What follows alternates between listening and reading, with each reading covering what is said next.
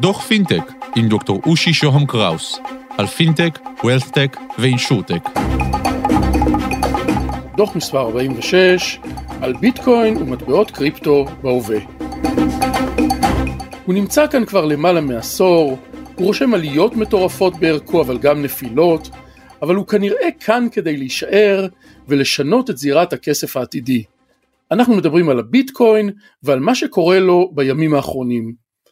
נמצא איתנו על הקו רועי קצירי, כתב ועורך שוק ההון של גלובס, אחראי על תחום המטבעות הדיגיטליים. שלום לך אושי, שלום לכל מי שמאזין לנו לפודקאסט. רועי, מה פשר התנודתיות המטורפת הזאת שמאפיינת את אה, מטבעות הקריפטו באופן כללי? אה, תראה, קודם כל אה, אתה אומר בשאלה שלך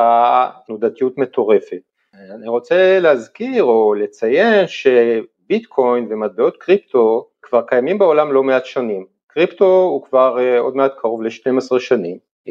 ובעצם כמעט תמיד הוא היה תנודתי מאוד במסחר בו. תמיד ראינו בו תנודות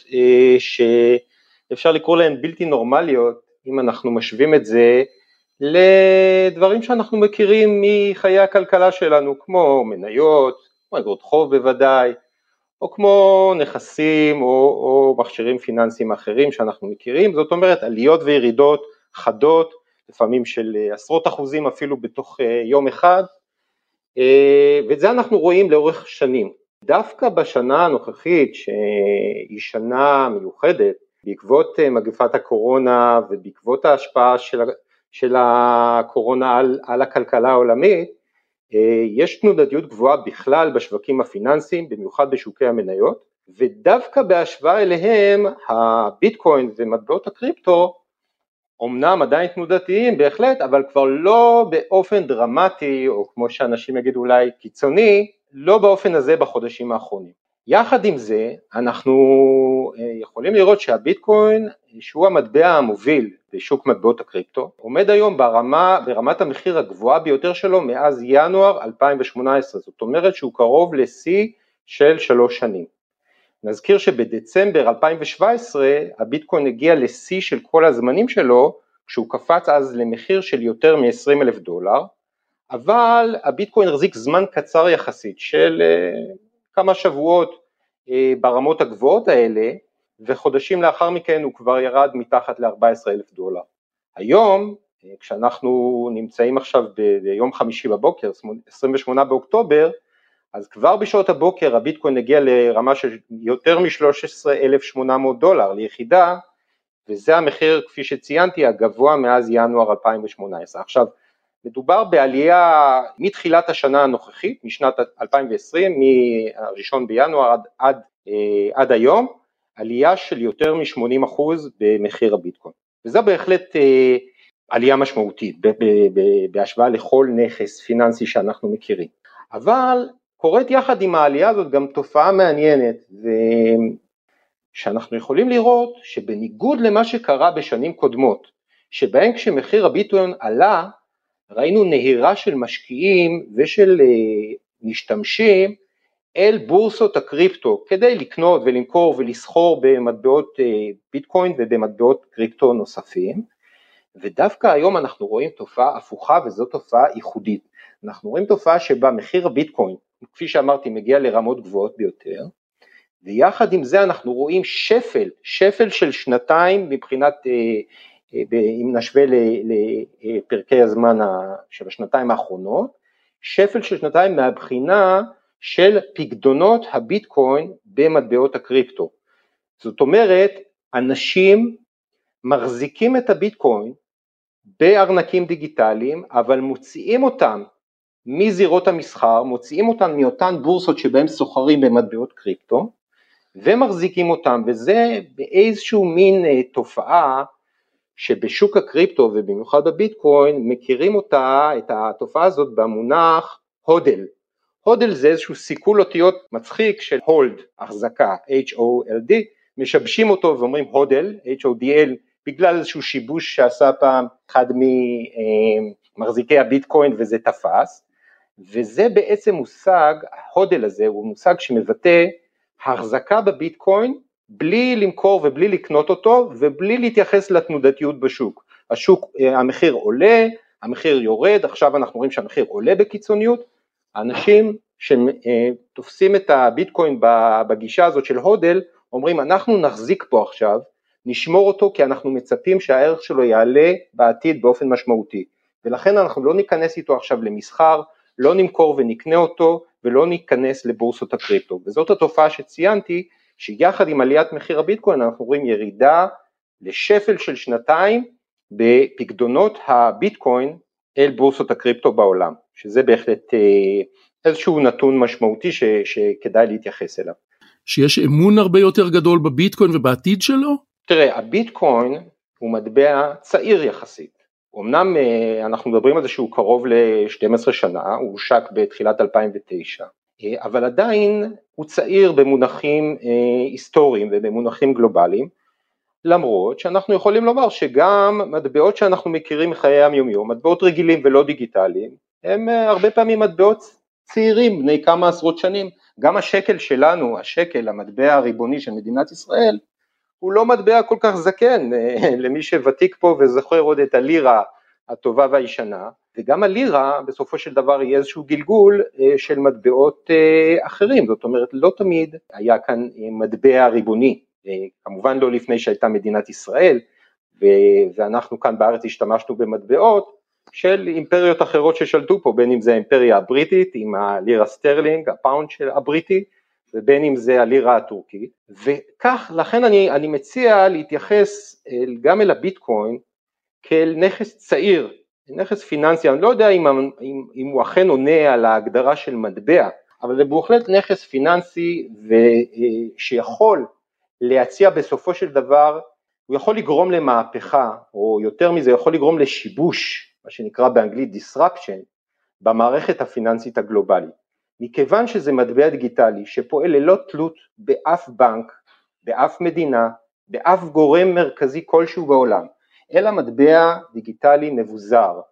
שבו אה, הבעלות וההחזקה על הביטקוין כולה מתנהלת על גבי רשת מבוזרת, אה, שמבוססת על טכנולוגיית הבלוקצ'יין וזה דבר חדש, זה דבר שלא כל העולם אה, מקבל אותו עדיין, לא כל העולם מבין אותו ובהחלט יש גם פחד מפני החדש ופחד מפני אימוץ של טכנולוגיות חדשות וכאן משחקים תפקיד מרכזי הבנקים המרכזיים, גם הבנקים המסחריים וגם אה, הממשלות והמדינות שמעוניינות לשמור על כוחם של המטבעות שלהם, בין אם זה השקל בישראל, הדולר בארצות הברית, האירו באירופה או מטבעות אחרים, כל אחת מהמדינות האלה לא רוצה שיבוא המטבע הדיגיטלי כמו ביטקוין ויחליף את המטבע הריבוני שנשלט על ידי אותה מדינה ואותו בנק אה, מרכזי. יחד עם זאת אנחנו רואים תופעה מאוד מעניינת שהולכת ומתחזקת בשנה הזאת, יחד, ש, ש, שאנחנו קוראים לה, אפשר לקרוא לה שנת הקורונה, שנת 2020, שבה קבוצה של בנקים מרכזיים הגדולים ביותר בעולם, ובהם הפדרל רזרב וה-ECB, הבנק המרכזי של האיחוד האירופי, מצהירים באופן מובהק שהם בוחנים אפשרות של הנפקת מטבע דיגיטלי, הם אמנם לא מתחייבים עדיין על מועד, לא מתחייבים עדיין, עדיין על מבנה ועל אפיון מדויק של המטבע הזה, אבל זה אומר שהבנקים המרכזיים האלה מבינים שהכיוון, הכיוון, העתיד, הולך לכיוון הדיגיטלי, כלומר גם הכסף, הדולר והשקל והאירו הרגיל שאנחנו מכירים היום, הוא בדרכו אה, בשנים הקרובות להפוך להיות דיגיטלי, וזה דבר שישנה את התפיסה, לדעתי לפחות, וככה חושבים גם אה, הרבה מומחים, ישנה את, ה, את האווירה הציבורית ואת דעת הקהל ביחס למטבעות דיגיטליים כמו הביטקוין. רועי, כשאתה אומר מטבע דיגיטלי אתה מתכוון בהכרח למטבע של בלוקצ'יין או פשוט לביטול המזומן, הנייר, המטבעות? כן, כשאני מדבר על מטבע דיגיטלי ריבוני, כמו כזה שחושבים עליו פדרל ריזרב, בנקים מרכזיים בעולם, לא מדובר על מטבע קריפטוגרפי, מכיוון שזה יהיה מטבע שעדיין יהיה בשליטה מרכזית של בנק או של מדינה, ולכן זה שונה מביטקוין או איתריום או מטבעות קריפטוגרפיים רבים אחרים שאנחנו מכירים. המושג נקרא CBDC, זאת אומרת Central Bank Digital Currency, מטבע דיגיטלי של בנק מרכזי. הוא בהחלט יפעל על טכנולוגיה, ש... כי הוא מצריך טכנולוגיה מכיוון שמדובר במטבע שתלוי תוכנה, אבל האם זה יהיה בלוקצ'יין בהכרח? לא בטוח. זה כבר נתון לשיקולם של הבנקים המרכזיים והם בהחלט בוחנים גם בלוקצ'יין אבל גם טכנולוגיות אחרות אה, של מסדי נתונים אה, שבאופן כללי קוראים להם DLT, זה מסדי, מסדי נתונים אה, גדולים שבהם אפשר, עליהם אפשר לבסס מערכות פיננסיות, מערכות תשלומים דיגיטליות וגם מטבעות. רועי לקראת סיום, עוד מטבעות אה, מעניינים שכדאי לשים אליהם לב חוץ מביטקוין? כן, אז אה, אני רוצה אה, עוד לציין דבר אחד לפני שאני אציין אה, מטבעות נוספים, על הכרזה מאוד משמעותית בשבוע האחרון. לפני שבוע הכריזה חברת פייפל. פייפל היא, למי שלא מכיר, ענקית של תשלומים מקוונים, חברה אמריקאית, חברת פינטק, שיש לה היום יותר מ-300 מיליון חשבונות פעילים, וזה אומר משהו בסדר גודל כמו כלל אוכלוסיית הברית, לשם השוואה. PayPal הודיע לפני שבוע שמתחילת שנת 2021, זאת אומרת בעוד אה, כחודש וחצי מהיום, בפלטפורמה שלה יהיה ניתן לראשונה לקנות ולמכור או להחזיק באמצעות ארנק דיגיטלי בביטקוין ובמטבעות קריפטוגרפיים מובילים נוספים. זאת הכרזה שעוררה הרבה מאוד התרגשות בשוק הקריפטו ובהחלט מתייחסים אליו בשוק כאל אה, Game Changer, כאל אה, מהלך שיכול לשנות ולהביא לאימוץ נרחב מאוד של ביטקוין ושל כל אותם מטבעות קריפטו שבהם PayPal מתכוונת לתמוך. צריך להדגיש שזו הכרזה ראשונית ואנחנו נראה בפועל בינואר איך PayPal הענקית הזאת אכן מממשת את התוכנית הזאת. המטבעות הקריפטו שבהם היא מתכוונת לתמוך על פי ההודעה הם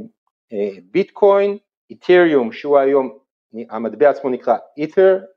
E-T-H-E-R, המטבע הזה הוא היום המטבע השני בגודל השוק שלו אחרי ביטקוין, אה, ומטבעות דיגיטליים נוספים מבין אה, נאמר חמשת או עשרת המטבעות המובילים היום בשוק, יש היום בסך הכל בשוק הקריפטו אלפי מטבעות קריפטוגרפיים, אם אני לא טועה יותר מ-4,000 סוגים שונים של מטבעות קריפטו שצמחו אה, כווריאציות שונות מהתוכנה של הביטקוין או מהתוכנה של איתיריום שאלה שני המטבעות המובילים היום בשוק. בעצם אתה מתאר תהליך שהמטבעות מפסיקים להיות מטבעות אלטרנטיביים, נכנסים ממש למיינסטרים. נכון, PayPal זאת חברה שהיא עמוק במיינסטרים, אנחנו יודעים שרבים מאיתנו כאן בישראל, גם בארצות הברית, גם בכל העולם, משתמשים ביום יום בפייפל לקניות, לביצוע תשלומים באינטרנט, וברגע שחברה עם יותר מ-300 מיליון חשבונות פעילים מאפשרת לאנשים להשתמש באותה פלטפורמה כדי לרכוש בפעם הראשונה מטבעות דיגיטליים, אותם מטבעות אה, מקבלים פתאום פוטנציאל אה, שונה לגמרי, פוטנציאל שהם יכולים באמת להפוך להיות לאמצעי תשלום שימושי, אה, נרחב, שמתקבל על ידי בתי עסק בכל רחבי העולם, שאנשים בכל, בכל מדינות העולם יוכלו להחזיק בו, זה באמת יהיה מעניין מאוד לעקוב אחרי ההתפתחות הזאת ולראות איך המהלך הזה של PayPal יוביל לשינוי באימוץ של ביטקוין ומטבעות קריפטו אחרים ואת זה נראה כבר בתחילת השנה הקרובה. רועי קצירי, כתב ועורך שוק ההון של גלובס, אחראי על תחום המטבעות הדיגיטליים, תודה תודה שהיית איתנו. תודה רבה לך אושי והאזנה נעימה, תודה לכולכם. עד כאן על קצה המזלג, נמשיך בדוחות הבאים. תודה לקווין מקלוד על המוזיקה, תודה לרון טוביה עורך הפודקאסטים של גלובס, אני מרצה ומייעץ בתחומי הדוח, תוכלו לכתוב לי באושי את אושי.co.il, לשלוח לי וואטסאפ ב-050-8898-322 או בלינקדאין שלי דוקטור אושי שוהם קראוס באנגלית להתראות בדוח הבא.